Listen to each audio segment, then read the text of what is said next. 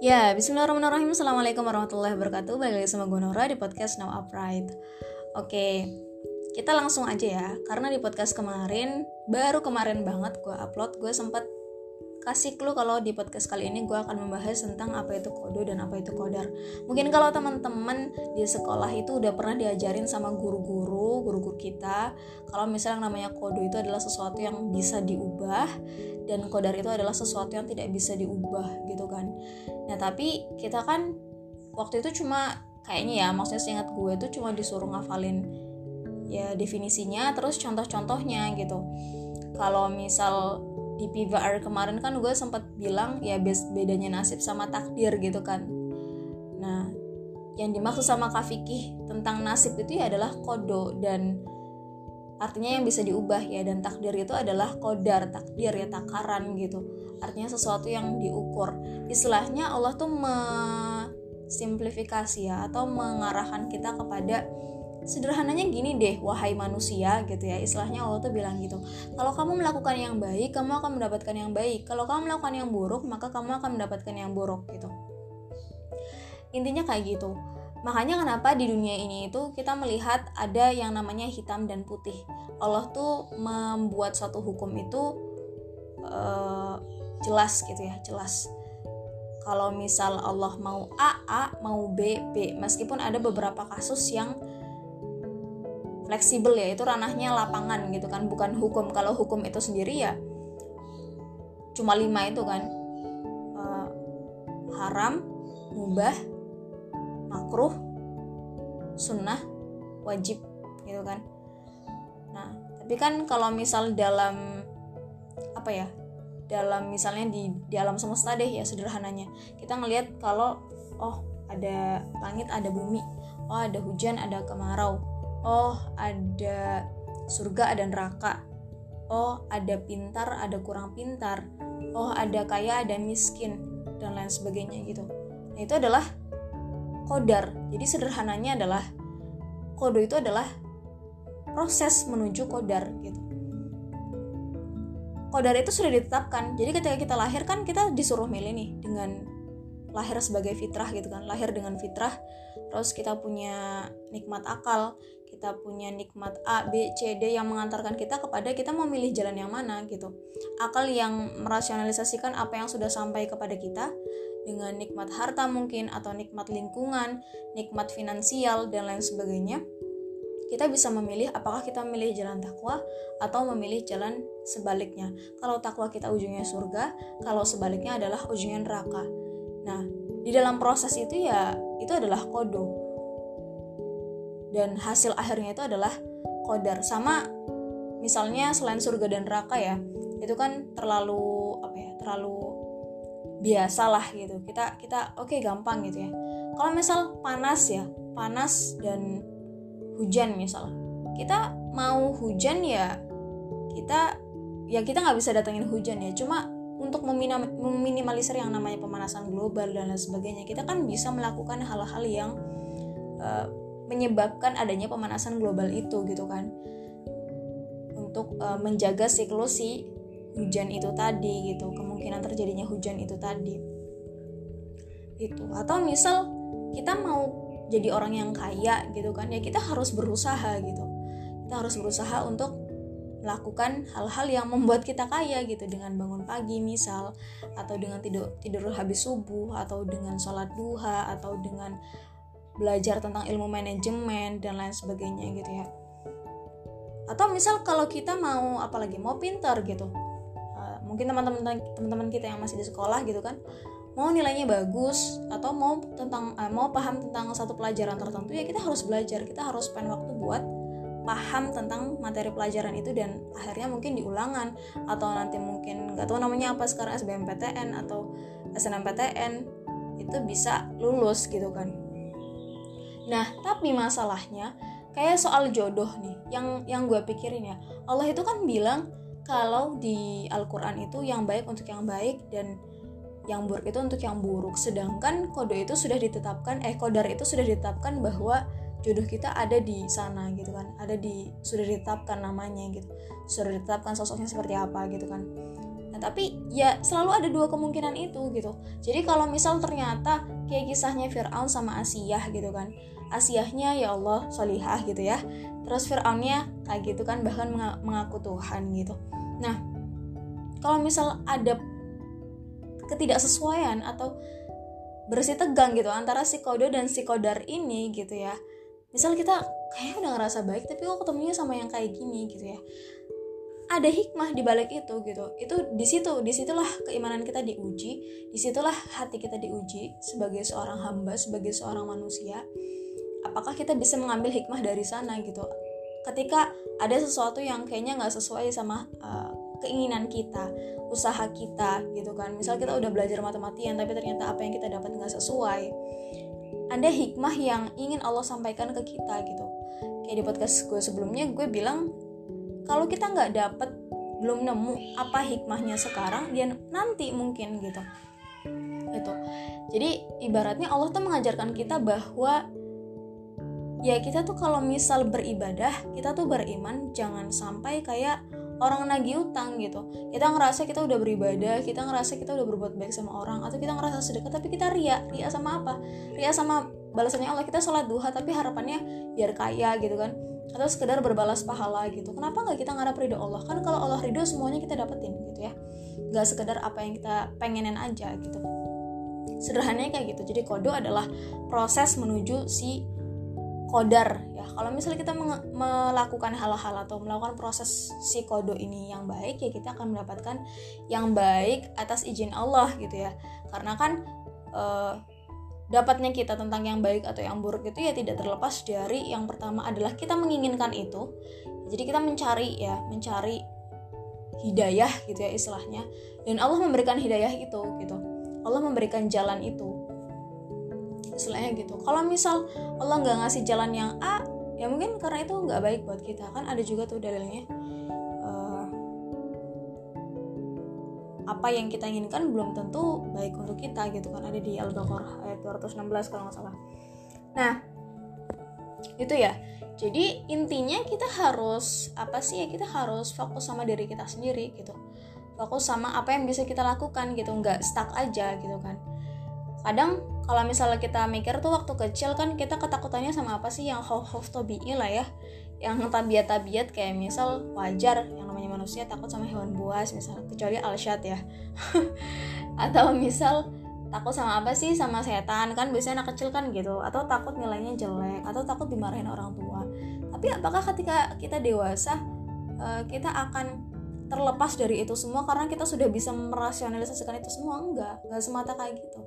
Bayangin uh, salah satu perusahaan asuransi di Amerika itu yang udah berdiri selama 200 tahun di catatannya Dale Carnegie itu mengatakan bahwa si perusahaan asuransi ini ya dia menjual kecemasan gitu. Bagaimana kecemasan manusia yang ada di Amerika Serikat itu bisa menjadi sumber keuntungan dari si perusahaan asuransi ini dengan apa? Melabeli bisnis mereka dengan nama asuransi bukan taruhan gitu padahal kalau kita logikakan logikakan kan belum tentu apa-apa yang kecelakaan atau musibah-musibah kayak misal kiamat 2012 dan lain sebagainya itu akan terjadi nyata gitu kan.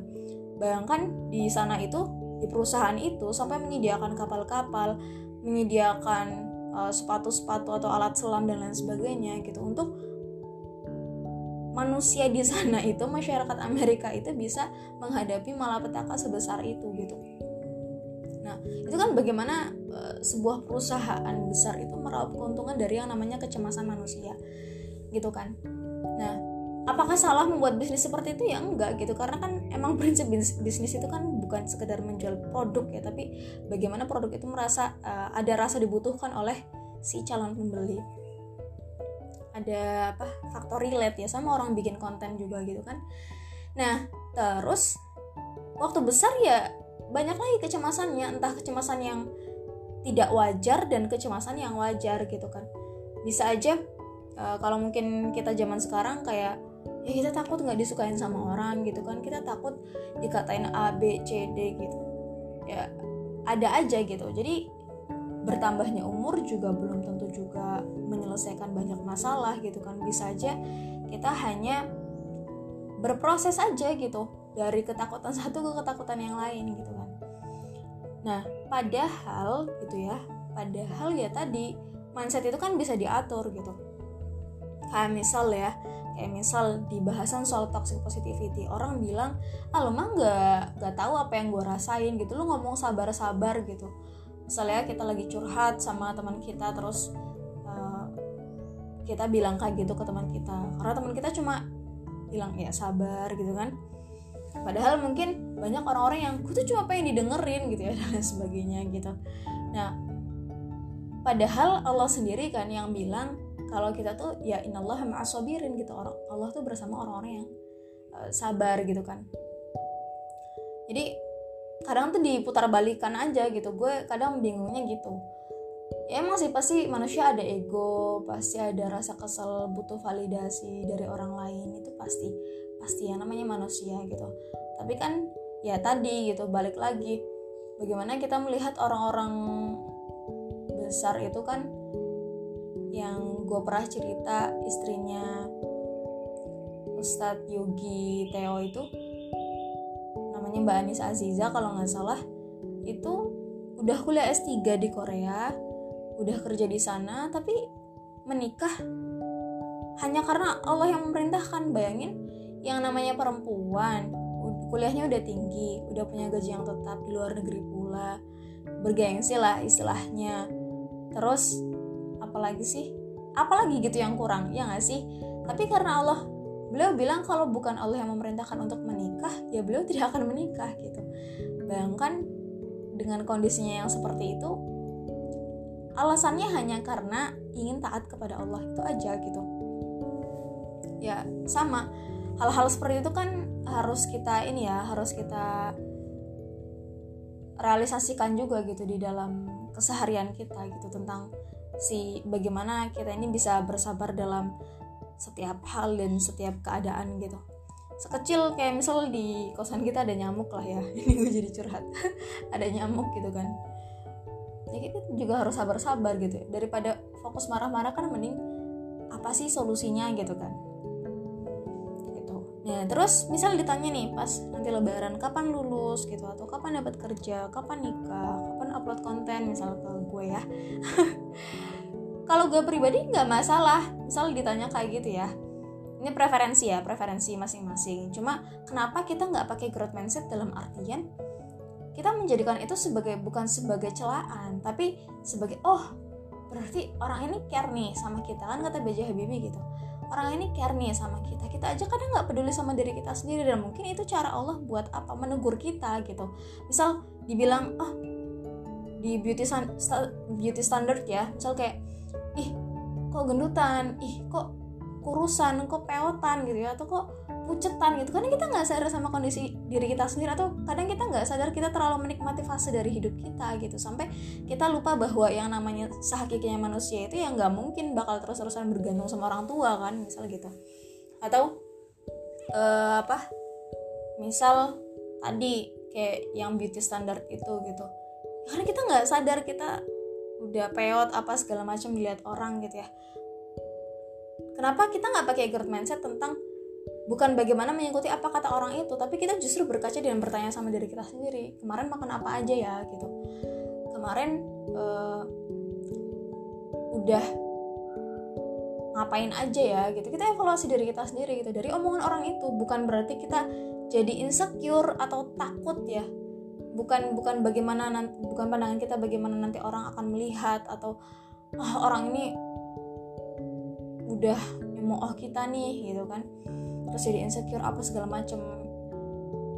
Ya jangan gitu. Karena insecure tuh nggak ada habisnya men. Kita udah cantik mau kayak awan bakal ada aja hatersnya gitu.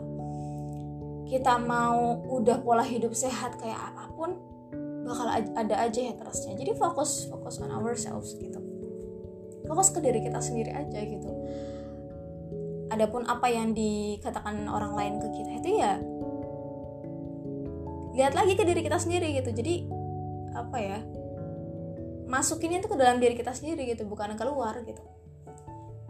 Ngacaknya tuh ke diri kita sendiri bukan keluar gitu ya. Karena apa pun niat orang lain untuk ngomong kayak gitu ke kita itu juga bukan urusan kita kan. Itu hal-hal yang ada di luar kendali kita gitu. Kita masa ngurusin hati orang sih gitu. kata Nan tuh ngapain sih kita keseringan ngurusin orang gitu. Orang diri kita aja tuh hati kita aja kadang jarang keurus gitu kan.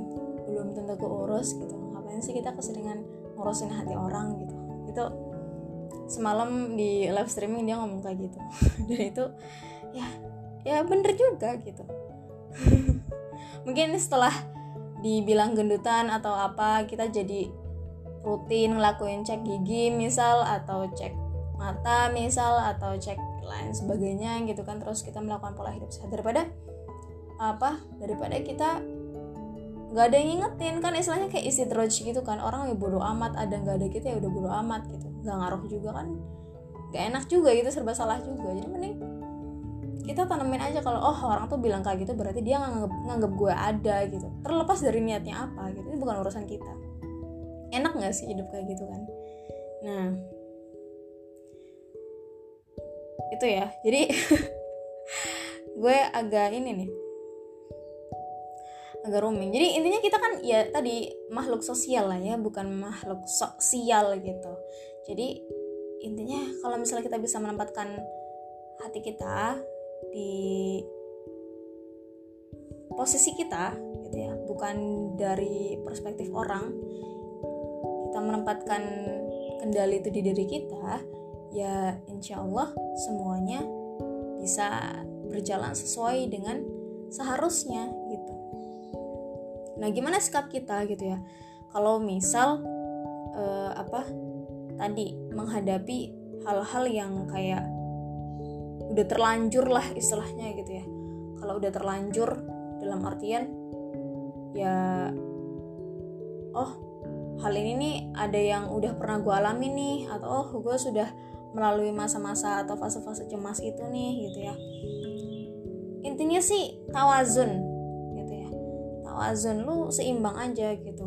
Kita bukan orang yang ketika datang itu masalah terus kita berusaha untuk melawan kita marah-marah ke sana sini gitu kan. Kita nyalahin kita nyalain orang tua kita kita nyalain teman-teman kita kita anggap semuanya musuh kita nyimpan dendam dan lain sebagainya. Ya gue ngomong karena gue pernah ada di fase itu ya itu itu mungkin kita harus lebih banyak main lagi harus lebih banyak ketemu orang yang mungkin kita nggak kenal dan ternyata oh kita belajar dari mereka gitu. Banyak kok di luar sana orang-orang yang care sama kita sama orang-orang yang belum belum pernah dikenal gitu ya. Bisa care sama siapa aja bisa care tanpa ngeliat dia ini siapa dia ini asal usulnya kayak gimana dan lain sebagainya. Atau mungkin ya kita juga jangan yang apa ya jabariah gitu jabariah kayak ya Allah kan udah netapin semuanya kode dan kode. Ya udah kita kalau misal dapat pelecehan misalnya atau dapat hal-hal yang gak seharusnya kita dapetin gitu kan terus kita ya ini udah, udah takdir Allah gitu kan. Semua berjalan atas kehendak Allah nggak nggak nggak gitu juga gitu kan.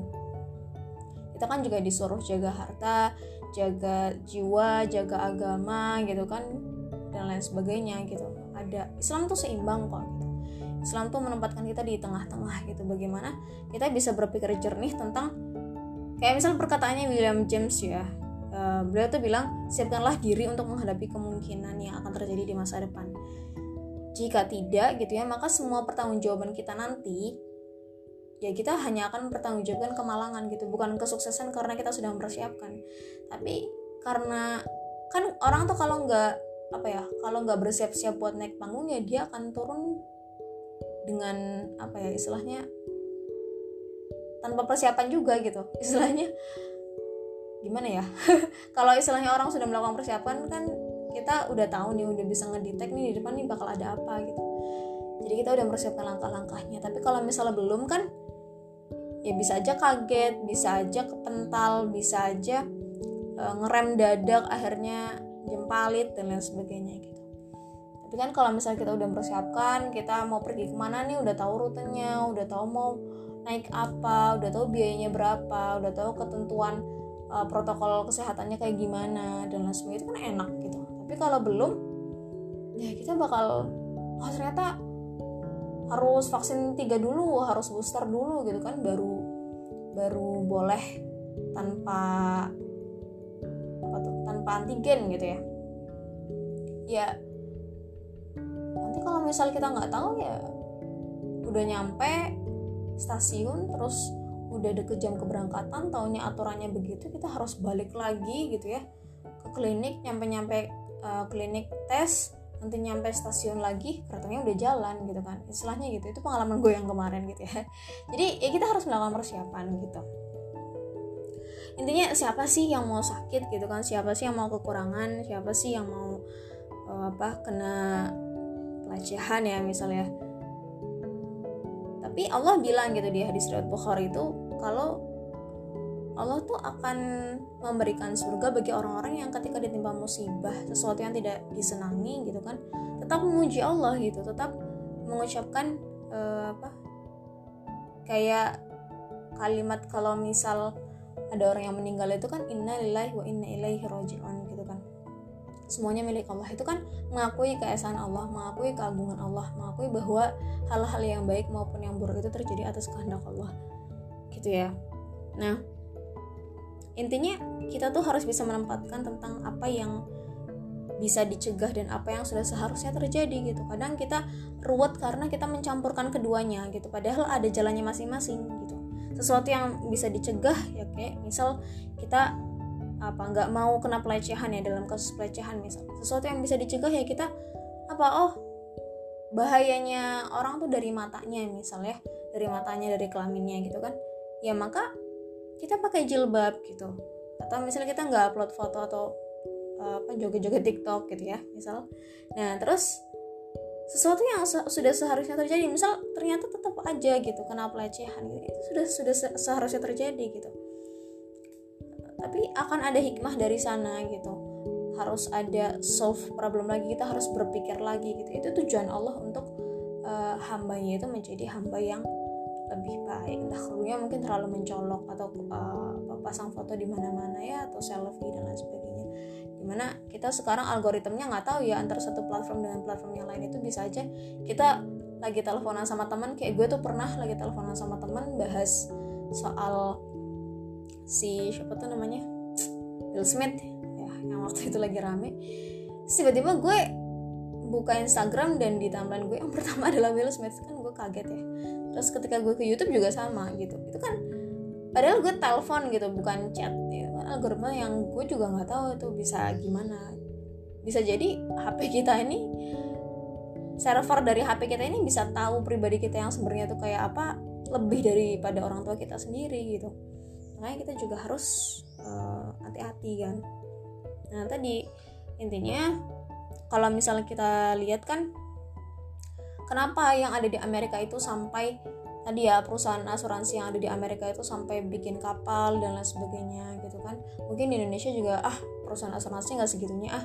Ya karena di Indonesia itu rata-rata beragama mayoritas beragama mereka punya pegangan terhadap sesuatu yang gaib sesuatu yang kayak apa ya yang nggak ada gitu sesuatu yang nggak ada fisiknya nggak ada lahirnya gitu nggak kelihatan gitu kan. Dan itu yang sebenarnya dibutuhkan sama jiwa manusia. Cemas itu kan uh, sesuatu yang gaib sesuatu yang nggak bisa disentuh gitu ya. Sama kita membutuhkan solusi dari perasaan-perasaan itu ya kepada sesuatu yang gaib juga gitu. Kita nggak bisa menggantungkan itu sama benda yang mati lah istilahnya yang fisik lahiriah bahkan manusia pun yang bisa bergerak gitu ya dia juga manusia juga bisa mati bisa hilang bisa melakukan kesalahan dan lain sebagainya. Tadi ya.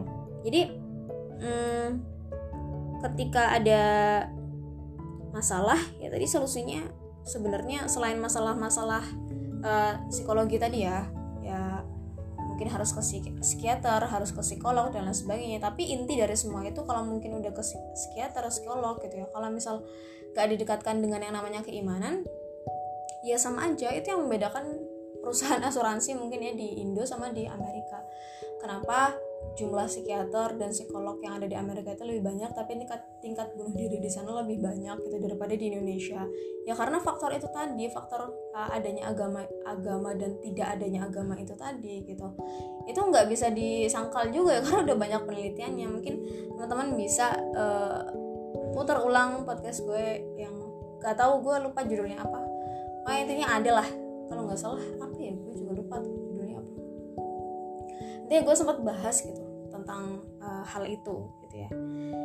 Nah kenapa harus iman gitu? Gue pernah baca dari postingannya Wisnu Wisnu Prasetya. Kalau beliau ini dosen komunikasi UGM ya. Uh, beliau ini sempat ngepost kalau ya jurnalisme itu butuh etik gitu.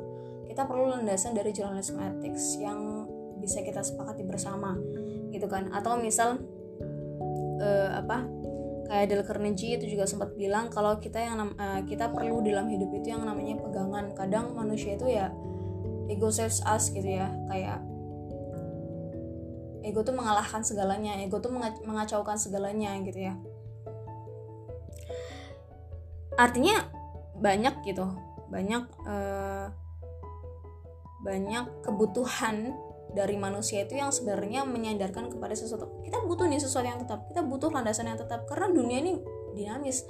Dunia ini berjalan terus. Dunia ini berubah terus gitu. Kita kalau misal ganti-ganti hukum terus gitu mengikuti mengikuti perkembangan zaman terus akan capek gitu. Bisa jadi hukum yang kita bikin sekarang akan menimbulkan masalah di masa depan gitu yang akhirnya ganti hukum lagi ganti hukum lagi ganti hukum lagi karena kita nggak punya landasan yang tepat. Ya karena kita hanya mendasar mendasarkan hukum kita itu sama yang namanya humanisme. Ya manusia itu berubah manusia itu terbatas kan ya. Dan mungkin orang yang jadi presiden belum tentu pernah ngerasain jadi orang susah. Mungkin uh, apa ya pokoknya intinya pengalaman-pengalaman kita tuh beda lah ya gitu jadi butuh sesuatu yang tetap intinya gitu. Nah karena kita sadar akan adanya kebutuhan tentang sesuatu yang tetap itu gitu ya kita kan punya nih yang namanya nikmat akal gitu. Dan nikmat akal ini menjadikan Islam ini nggak cuma sekedar apa ya sekedar agama doang gitu tapi sebagai the way of life gitu sebagai jalan hidup sebagai uh, cara kita memandang kehidupan, menjalani kehidupan dan lain sebagainya gitu. Karena uh, semalam juga di live streaming uh, Nan itu dia kan sempat sharing ya soal pandangan dia soal pacaran gitu kan. Terus gue sempat tanya kayak apa emang apa sih tujuannya orang pacaran gitu kan. Nah terus uh, Nan tuh bilang ya proses mengenal tuh lama gitu. Gue juga adalah orang yang dia bilang ya gue juga adalah orang yang berusaha untuk menjadikan pacarnya itu sebagai sesuatu yang sakral gitu untuk menuju yang namanya pernikahan gitu kan. Selama lu sama pasangan lu atau pacar lu tuh bisa yang namanya saling support terus saling apa ya saling berkembang dan lain sebagainya ya apa salahnya gitu. Nah terus gue nanya lagi emang apa sih yang bisa bikin lo tuh apa ya bikin hipotesa gitu ya hipotesa tentang lo tuh oh bisa I'm enough with this person gitu. Atau gue harus lanjut nih sama orang ini tuh apa? Gitu. Step-step apa yang lu harus lakuin ketika lu pacaran sampai akhirnya tuh lu bisa mencapai tahap bikin hipotesa itu. Terus dia ngerasa di ghosting dan dia mengakhiri live, uh, live Instagramnya gitu kan. Nah intinya ah atau ada lagi nih dari kisahnya si Tolstoy. Jadi si Tolstoy lagi. Tolstoy.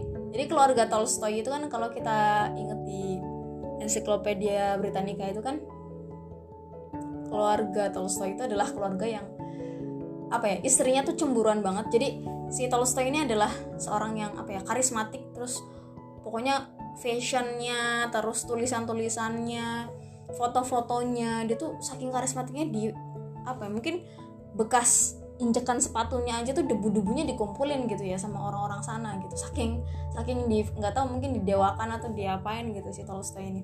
Nah karena ya bayangin ya kalau kita tuh punya pasangan yang dia itu apa sih hidupnya tuh udah punya orang lain gitu ya nggak sih? Kayak jadi public figure kan istilahnya buat orang kan hidupnya bukan buat si istrinya doang gitu. Nah si istrinya nih uh, dikisahkan di situ tuh jadi orang yang cemburuan gitu kan. Sampai mata-matain sampai nyamar dan lain sebagainya. Sampai uh, ujungnya adalah ketika dia ini kan punya anak perempuan. Terus anak perempuannya ini dekat kan sama ayahnya ya namanya gender kan. Yang namanya uh, bukan gender sorry.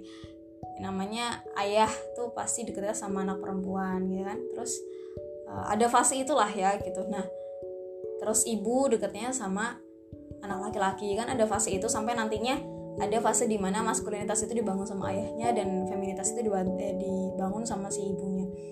Nah ketika fase-fase di mana ayahnya ini si Tolstoy ini deket sama anak perempuannya itu si ibunya tuh cemburu gitu. Sampai apa coba? Sampai kan ada tuh ya foto foto si anaknya tuh sampai foto anaknya ditembak bener-bener literally ditembak pakai pakai senapan gitu itu saking cemburunya. Nah Tolstoy itu di situ tuh kan dia hidup dengan apa ya happy ya. Ya bayangin dia karismatik dia dipuja banyak orang gitu.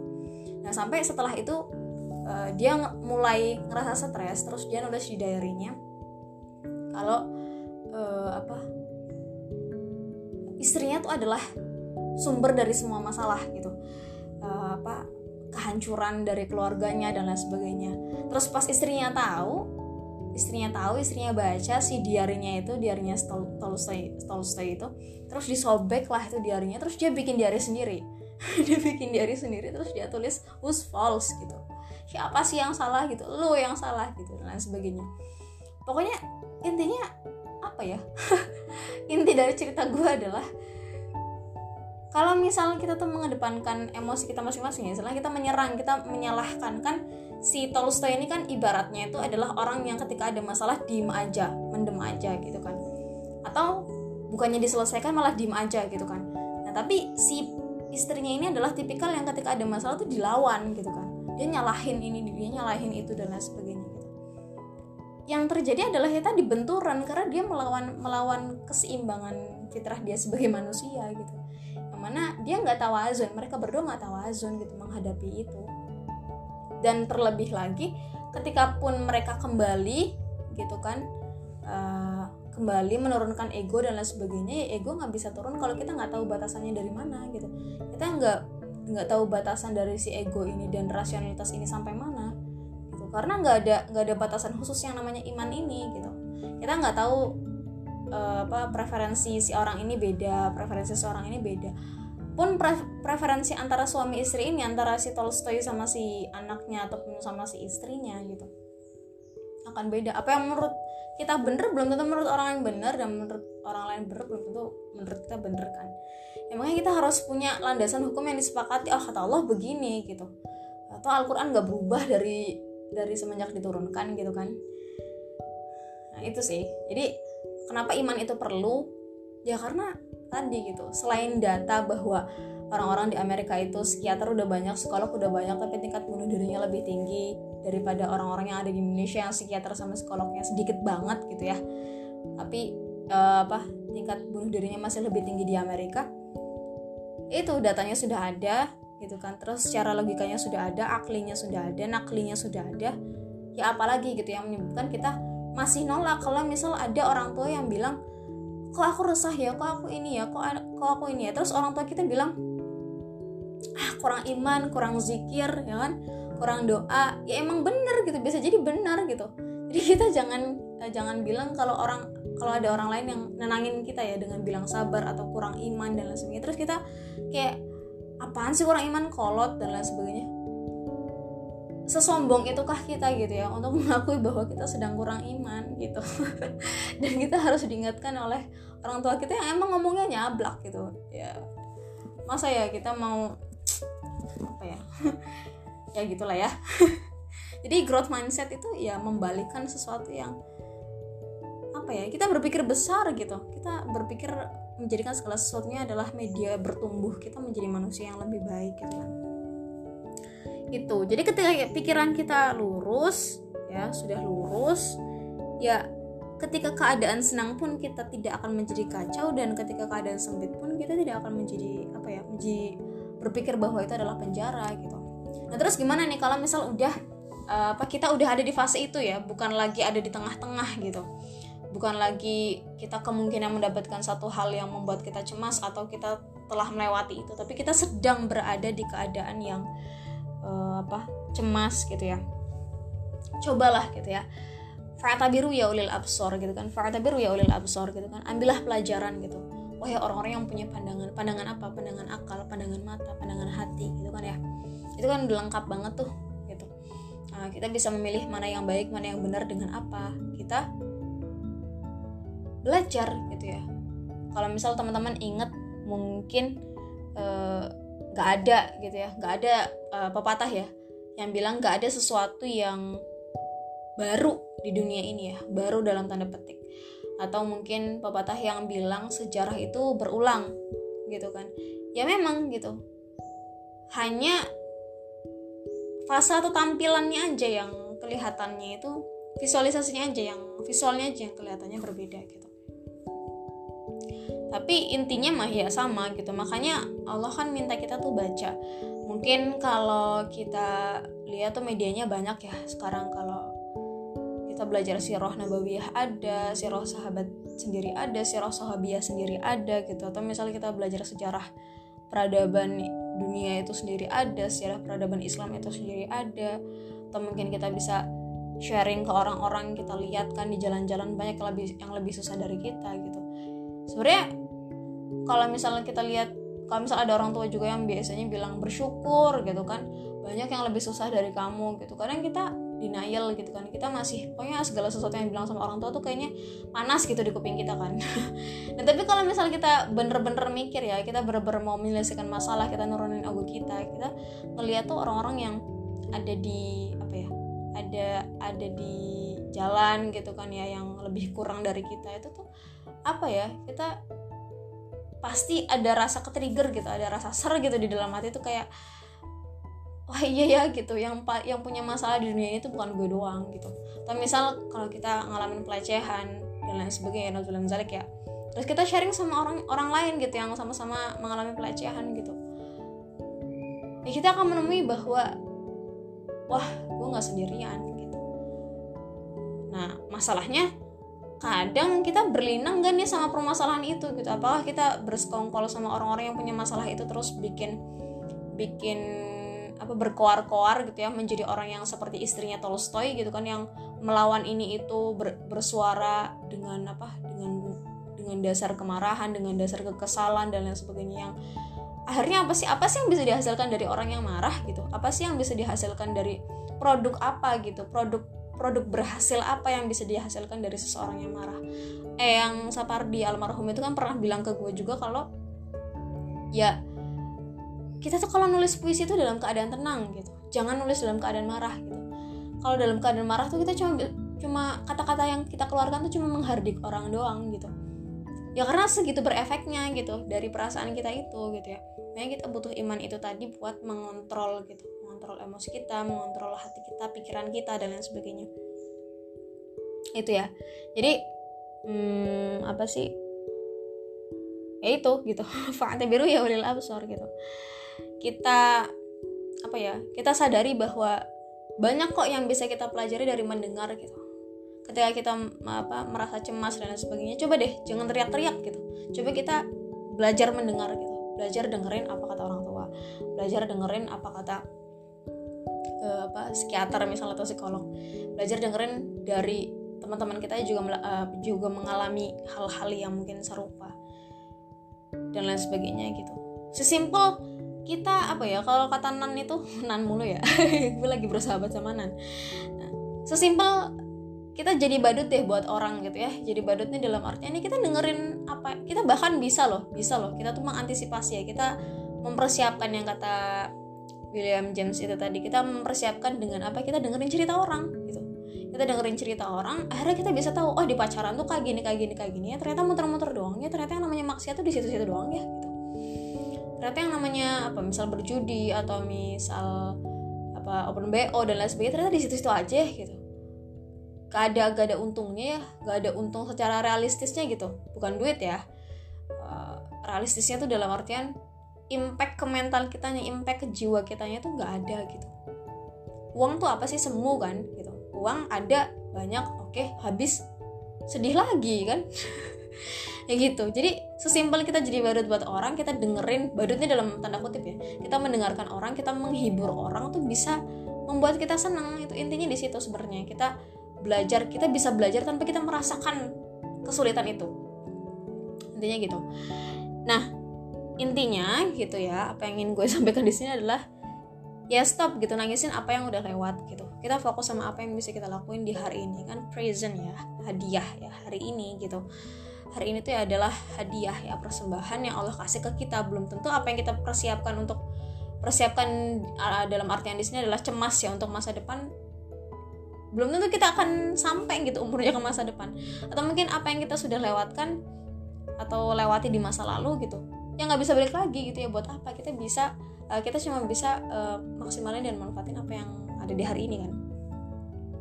Gitu. jadi ya love must go on gitu ya. Uh, so let's move on. Uh, misal tuh pasti ada gitu kan. Bahkan mungkin banyak gitu ya. Tapi apa sih gunanya yang namanya penyesalan tanpa uh, berusaha untuk yang namanya bersegera melakukan perbaikan gitu kan. Kurang lebih itu aja kalau misalnya ada kritik saran masukan silahkan sampaikan ke DM Instagram gue at catatan nomor at Nazif atau misal yang punya nomor WA gue silahkan disampaikan. Uh, maaf kalau misalnya ada yang kurang berkenan. Wassalamualaikum warahmatullahi wabarakatuh. Bye